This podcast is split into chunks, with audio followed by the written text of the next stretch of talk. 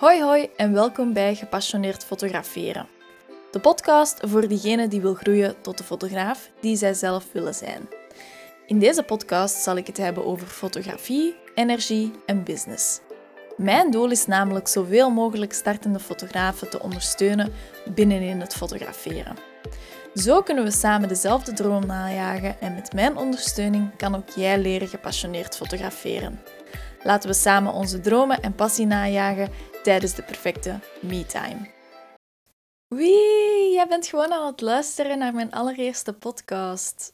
Welkom. Ik wil je echt super graag welkom heten, want ik voel mezelf heel vereerd dat je gewoonweg aan het luisteren bent naar wat ik kon vertellen. Um, dus dat vind ik sowieso mega fijn. Nu, voor deze allereerste podcast had ik uh, een specialeke in gedachten qua onderwerp. En ik wil heel graag vertellen over mijn eigen verhaal, want ik spreek wel over gepassioneerd fotograferen en dat ik dat wel graag doe en zo verder. Maar ik denk dat het voor jou misschien ook wel interessant is om te horen uh, wat dat mijn verhaal is, wat ik allemaal uh, meegemaakt heb, bij, allez, om het zo te zeggen.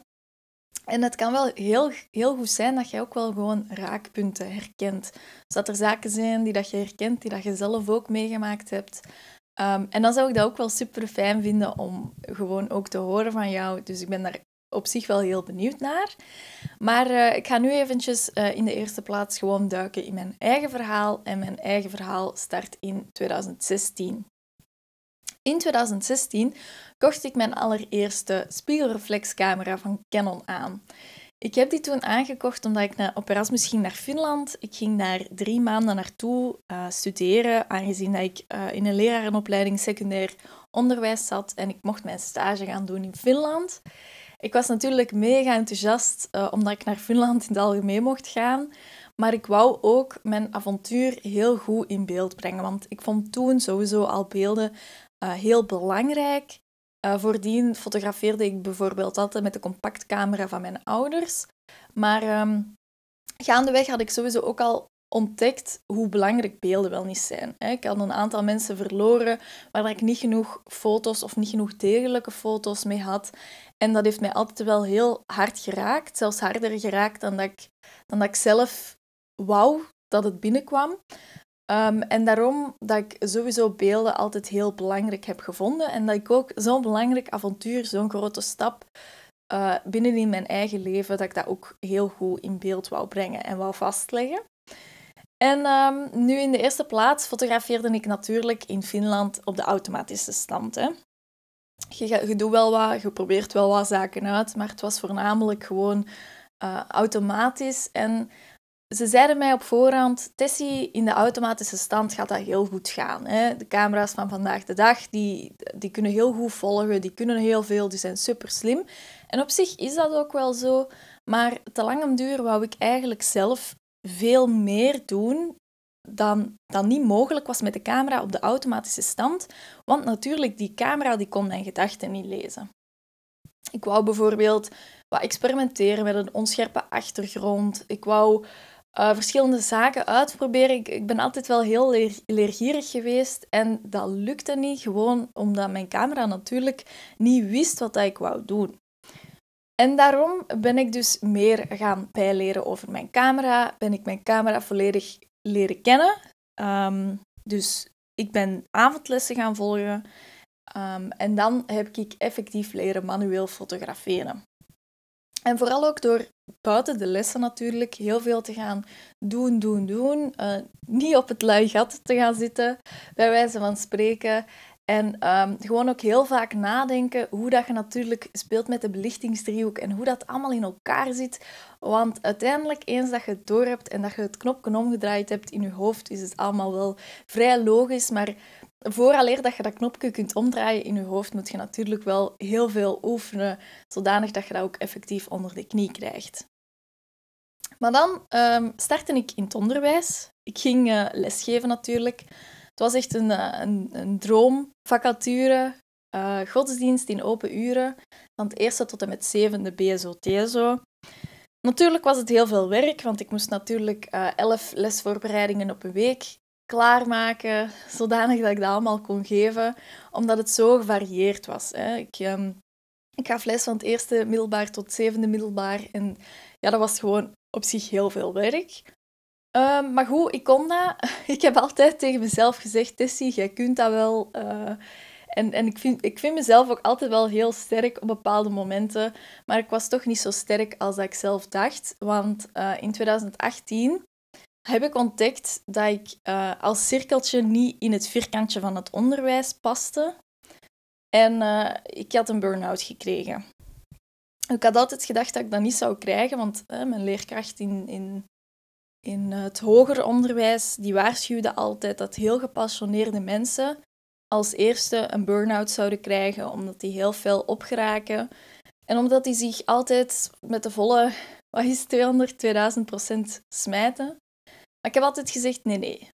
Bij mij, dat gaat mij niet overkomen. Ik ben mentaal heel sterk en uh, dat lukt me wel. Maar toch, na uh, anderhalf, nog geen anderhalf jaar lesgeven, was het zover. Dus uh, dat kwam wel echt super hard aan. En dan zat ik thuis, dan zat ik echt op de muren te kijken en effectief met mijn gsm in de hand. Constant was ik Smart School aan het checken, want ja, je zit niet voor, niet voor geen reden thuis. Hè.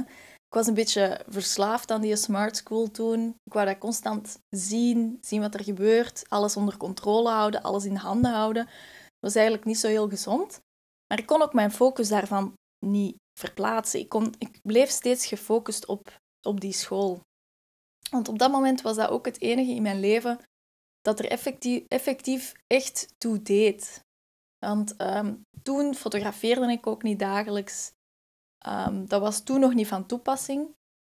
Um, en het creatieve heeft mij toen geholpen. Ik ben toen beginnen handletteren. Ik ben toen effectief meer beginnen focussen op die fotografie. Ben naar buiten getrokken, gaan fotograferen. Ik heb uh, het uh, volle 100% het fotograferen terug opgenomen. Um, want ik vond dat dat toen niet een, een, klein deel van mijn leven moest in beslag nemen, maar eigenlijk volledig, mijn volledig leven, volledige dagen.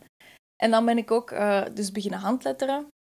Heel veel beginnen tekenen, beginnen uitproberen. Ja, en, en effectief die creativiteit die dat ik kon opwekken gedurende die moeilijke periode, heeft mij daar wel daarboven geholpen. Dat heeft ervoor gezorgd dat ik een beetje uit die put kon klimmen die dat ik voor mezelf gecreëerd had door, uh, doordat ik het cirkeltje was dat niet in het vierkantje paste.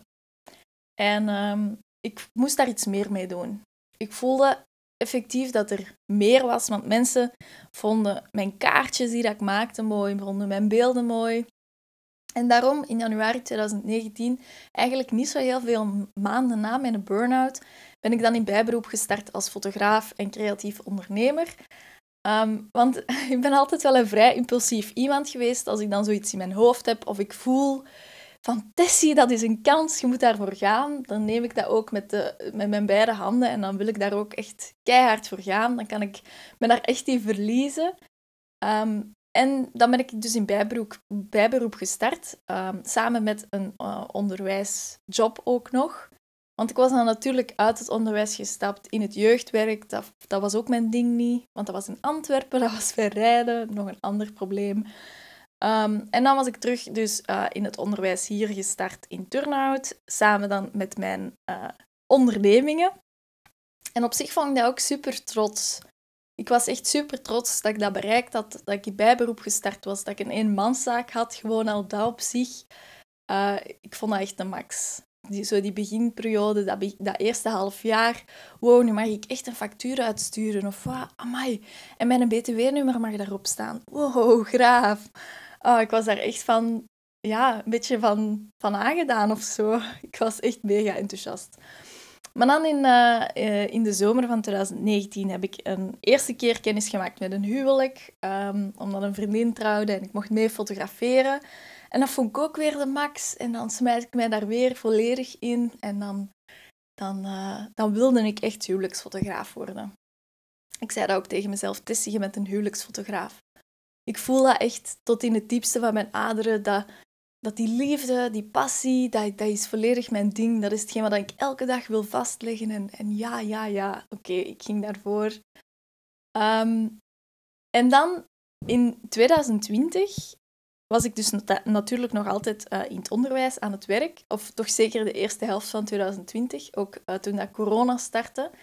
Maar toen voelde ik ook keihard um, dat ik mijn onderwijsachtergrond, alle kennis dat ik al uh, opgedaan had binnen in het onderwijs, bijvoorbeeld daar ook gewoon die cursussen schrijven voor die leerlingen en zo verder, of, of gewoon ook standaard het, overbrengen van kennis naar leerlingen toe, ik miste dat ook wel wat in mijn bijberoep. En um, ondertussen gaven wij al workshops handletteren, bij letteren en tetteren. Dus ik wou dat ook doen bij mijn fotografie. Want ik voelde echt zo die drijfveer van, oh, ik wil andere mensen ook verder helpen. En, en jij kunt dat in je hoofdberoep, want je doet dat eigenlijk dag in dag uit in het onderwijs. En uh, nu zou je dat dan kunnen doen met je passie. Dat is nog eens zo leuk. En dat was weer weer een grote drijfveer om keihard te beginnen knallen. Ik ben toen een uh, cursus basisfotografie beginnen schrijven. Want toen kwam de lockdown natuurlijk. Mensen zaten dan thuis. En dan vond ik dat eigenlijk mega fijn dat ik met zo'n online cursus basisfotografie kon afkomen. Want ik heb ook thuis gezeten.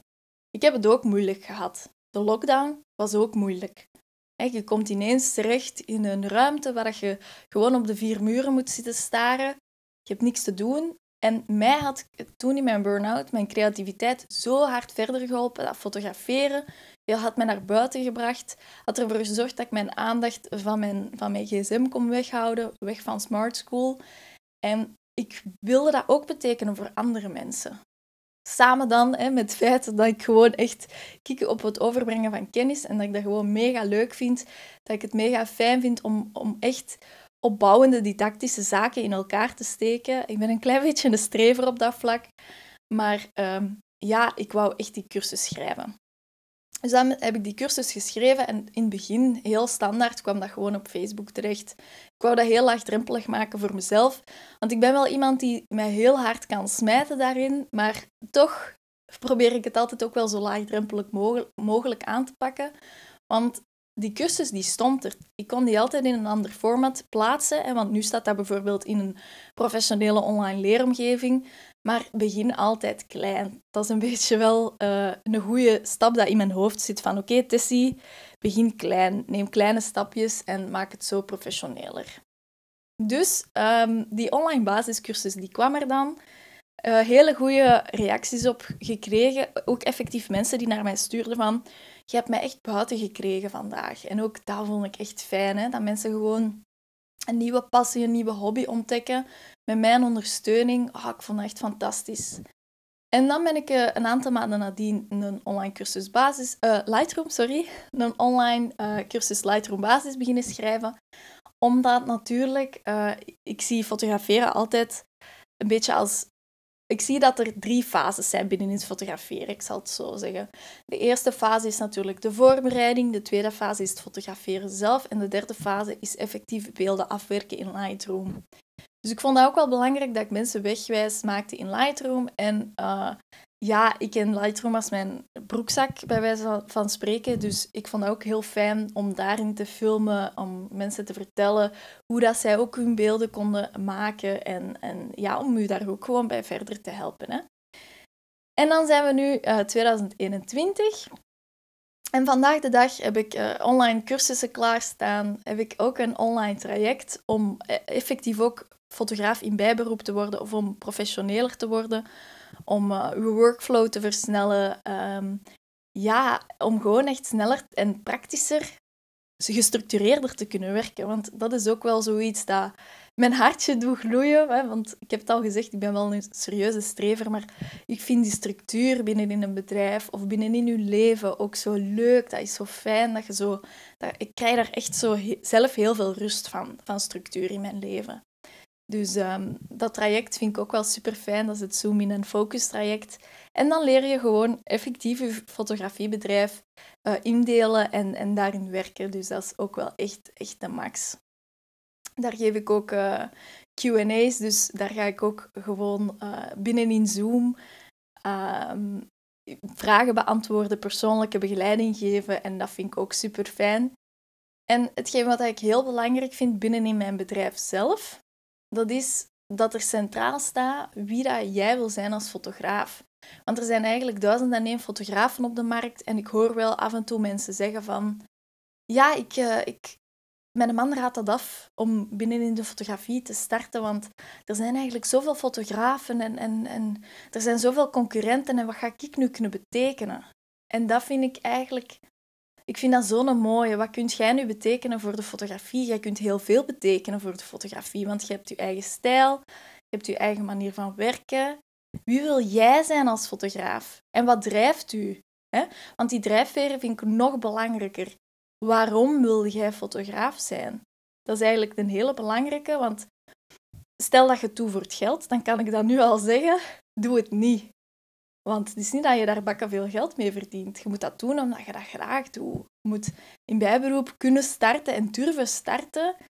Gewoon ook omdat je voelt, diep van binnen of in puntje van je tenen, dat is mijn passie en ik wil dat doen en dat is mijn missie. En, en, en heel mijn lijf zegt mij dat ik, dat ik wil fotograferen. Heel mijn lijf zegt mij dat ik die cursus wil schrijven. Dan mogen we dat doen. Dat, dat is iets heel intrinsiek, vind ik zelf. Je moet die, die motivatie niet buiten nu gaan zoeken. Maar die drijfveer is echt wel super belangrijk, want anders houdt het ook niet vol. En dat is ook echt wat ik nu dag in dag uit voel. Ik voel eigenlijk dagelijks passie. En daarom dat ik de podcast ook gepassioneerd fotograferen noemde. Want ik ben eigenlijk echt zo blij met mijn job vandaag de dag. Um, ik heb gestudeerd voor leerkracht secundair. Ik heb mijn ouders ook sorry gezegd dat ik die studie niet gebruik om te werken. En zij hebben mij ook verteld, Tessie, alles, alles wat dat je geleerd hebt, meegemaakt hebt, dat heeft u gemaakt tot de persoon die dat je nu bent. En die studie had je sowieso ook nodig om te worden wie dat je nu bent. En je bent nu ook echt een supermooi persoon geworden, die dat dag in dag uit doet wat dat ze graag doet, die daar passie naleeft, die daar dromen naleeft. En dat is iets wat ik gewoon iedereen zou willen gunnen en, en iedereen zou willen aanraden om dat ook te kunnen doen. Maar ik krijg het even moeilijk. Um, maar dus dat is mijn verhaal. Dat is wie dat ik ben. Dat is mijn drijfveer. En ik hoop ook dat je een, een deel er zelf, jezelf er ook in herkent dat je ook zelf zo'n hele grote passie hebt en dat je zelf ook heel gelukkig bent in je job. En als dat niet zo is, dan zou ik je aanraden van eens te gaan zoeken, diep van binnen, wat dat, wat dat eventueel wel je passie zou kunnen zijn. Hè? Want dat is zo zalig om dat te kunnen doen. Dat is echt de max.